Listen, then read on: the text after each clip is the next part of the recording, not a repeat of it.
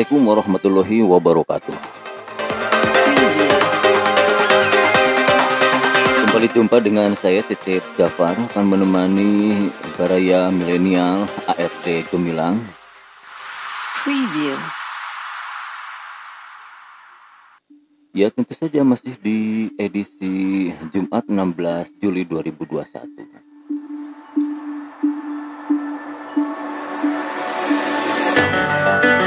Dan ini masih seputar penerapan atau kebijakan dari pemerintah terkait dengan PPKM.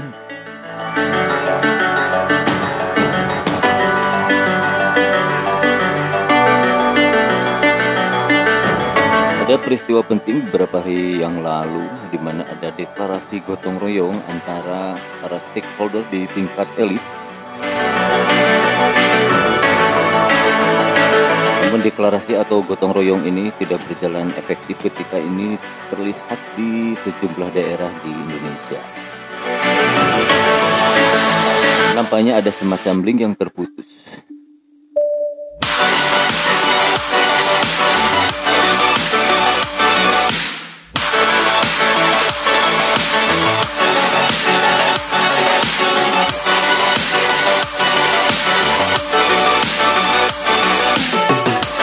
Peristiwa ini sengaja saya coba sajikan kembali. Karena ini penting sebagai review bagi mereka para pengambil kebijakan. Terlepas bahwa kebijakan pusat kadang sering kali tidak linear dengan kebijakan di pemerintah daerah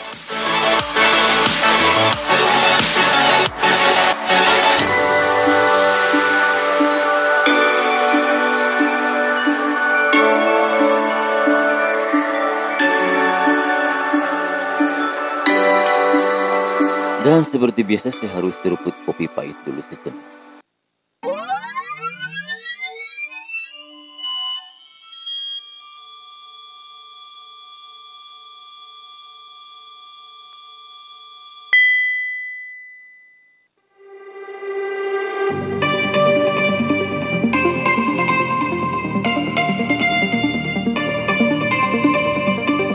Dilansir oleh jpnn.com, Jawa Post News Network. Ada enam butir deklarasi gotong royong antara Kementerian Tenaga Kerja, Kadin, Apindo, dan Pekerja.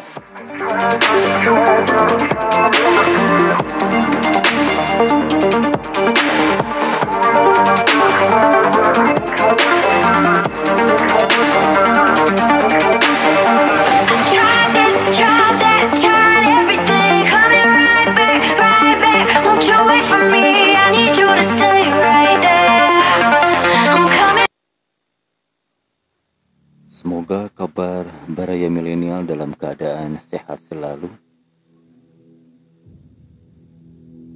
Tetap semangat di situasi yang mungkin sangat memprihatinkan ini.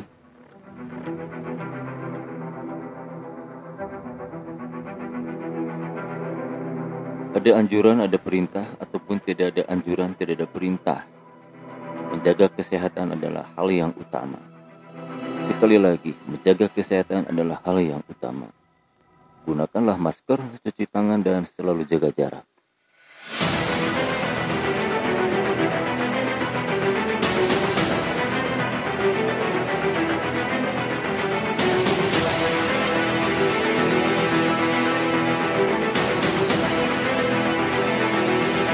Ini enam butir deklarasi gotong royong Kemenaker, Kadin, Apindo, dan Pekerja.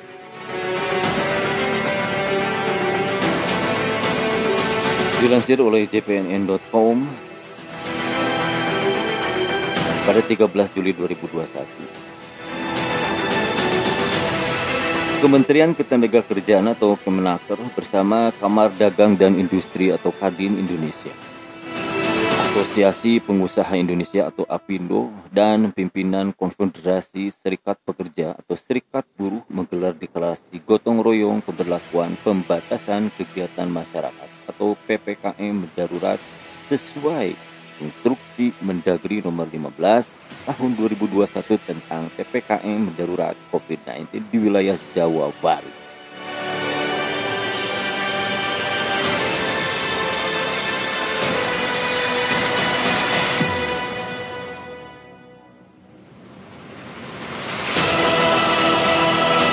Deklarasi gotong royong menghadapi PPKM darurat tersebut ditandai dengan pembacaan bersama deklarasi dan dilanjutkan penandatanganan deklarasi oleh Menaker Idul Ida Fauzia dari unsur pemerintah, Haryadi Sukamdani dari unsur pengusaha, Arsyad Rasid dari unsur industri,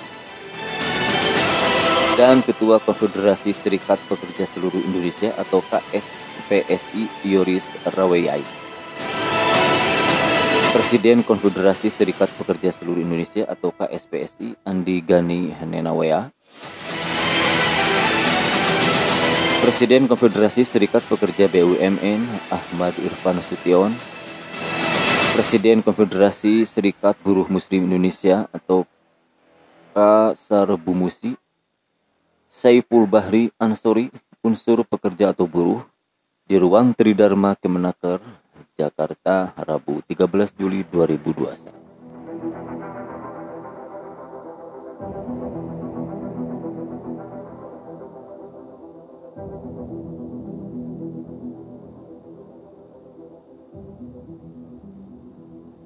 Menteri Koordinator Bidang Kemaritiman dan Investasi atau Menko Marves Luhut Binsar Panjaitan menyatakan pemerintah tak bisa menyelesaikan persoalan COVID-19 tanpa kerjasama dengan para pengusaha maupun pekerja.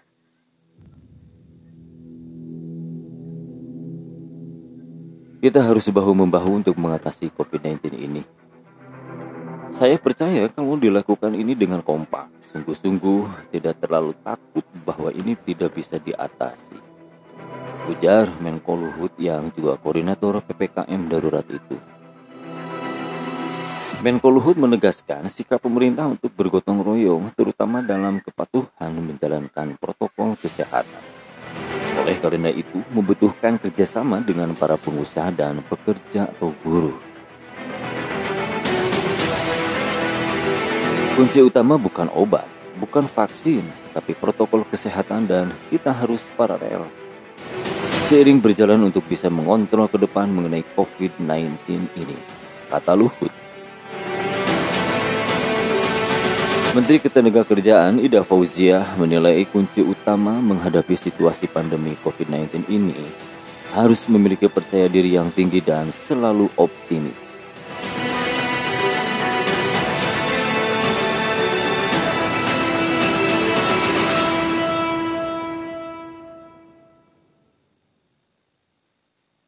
Kreativitas dan inovasi harus terus dilakukan untuk dapat bangkit dari keterpurukan. Yang paling penting lagi adalah sub adalah semua upaya ini tidak bisa dijalankan secara parsial. Namun harus dilakukan secara serentak bersama-sama dengan melibatkan pengusaha dan pekerja sebagai tanggung jawab dan persoalan bersama, katanya. Selain tantangan kondisi pandemi COVID-19, tantangan diskusi yang dihadapi masyarakat pekerja atau buruh di seluruh dunia. Ia menilai masyarakat termarginal, pekerja atau buruh berpendidikan dan keterampilan rendah menjadi golongan paling terdampak. Deklarasi ini merupakan bentuk komitmen bersama sekaligus kolaborasi antara pemerintah, pengusaha, pekerja atau buruh agar dapat mengatasi tantangan ketenaga kerjaan yang dilandasi semangat saling peduli, optimis, dan bersama-sama bangkit dari dampak pandemi COVID-19, ujarnya.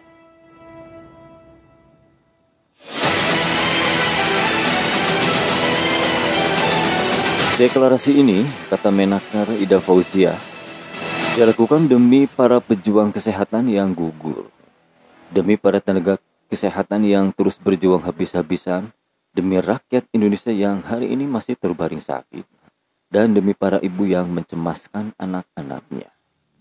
Mudah-mudahan deklarasi gotong royong ini dapat memenangkan Indonesia. Kita belum kalah dan kita tidak akan kalah. Indonesia tangguh, Indonesia tumbuh, kata Ida Fauzia. Ya, jargon-jargon ini memang cukup manis, kadang tidak semanis di lapangan. Meren. Ya, tidak apa-apa namanya juga menteri.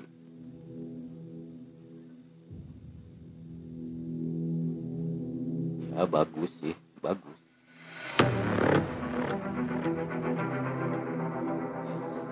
perlu diuji di tingkat daerah. Apa betul ucapan-ucapan manis ini bisa diikuti oleh masyarakat di tingkat daerah. Ini adalah enam butir pernyataan deklarasi gotong royong. Pertama, menyelesaikan segala pertikaian dan konflik melalui dialog yang sehat dan kompromi yang adil.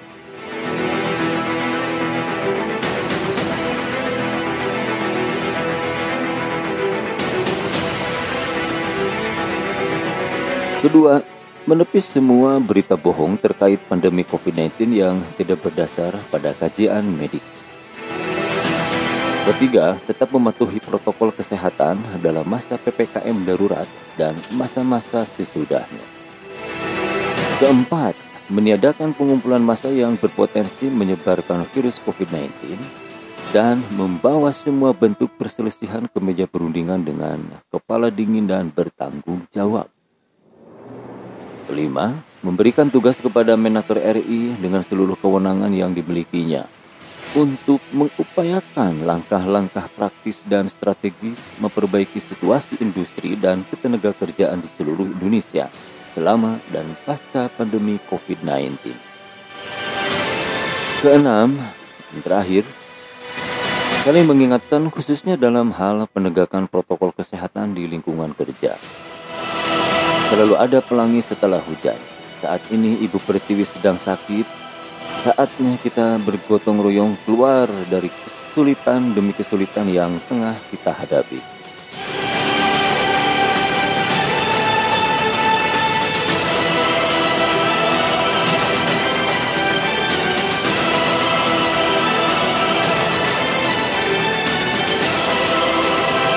Kalau pejabat elit memang mudah untuk mengucapkan kalimat-kalimat atau mantra semacam ini. Tapi ini tidak salah dan ini benar. Ini sah. Tapi masyarakat di bawah kadang dan seperti kita tahu kekuatan rakyat ini memang luar biasa.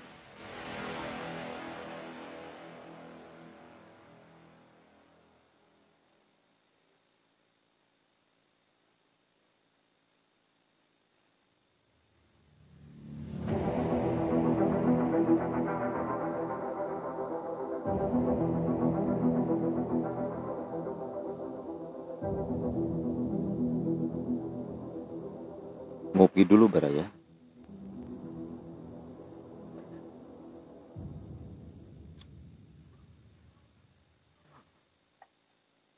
Mantap. Baik Baraya milenial ARD Gumbilang Di mana pun Baraya hari ini berada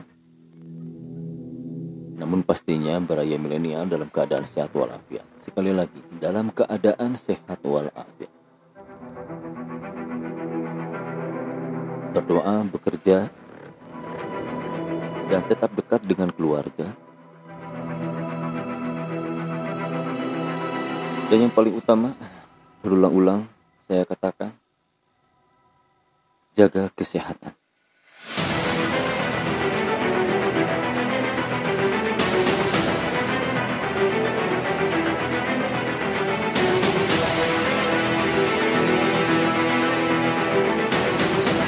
Demikian baraya milenial RD Gemilang Peristiwa yang disajikan dalam simpul berita dari jpnn.com Sengaja saya sajikan kembali untuk mereview, mengingatkan dan barangkali bisa dijadikan kontemplasi.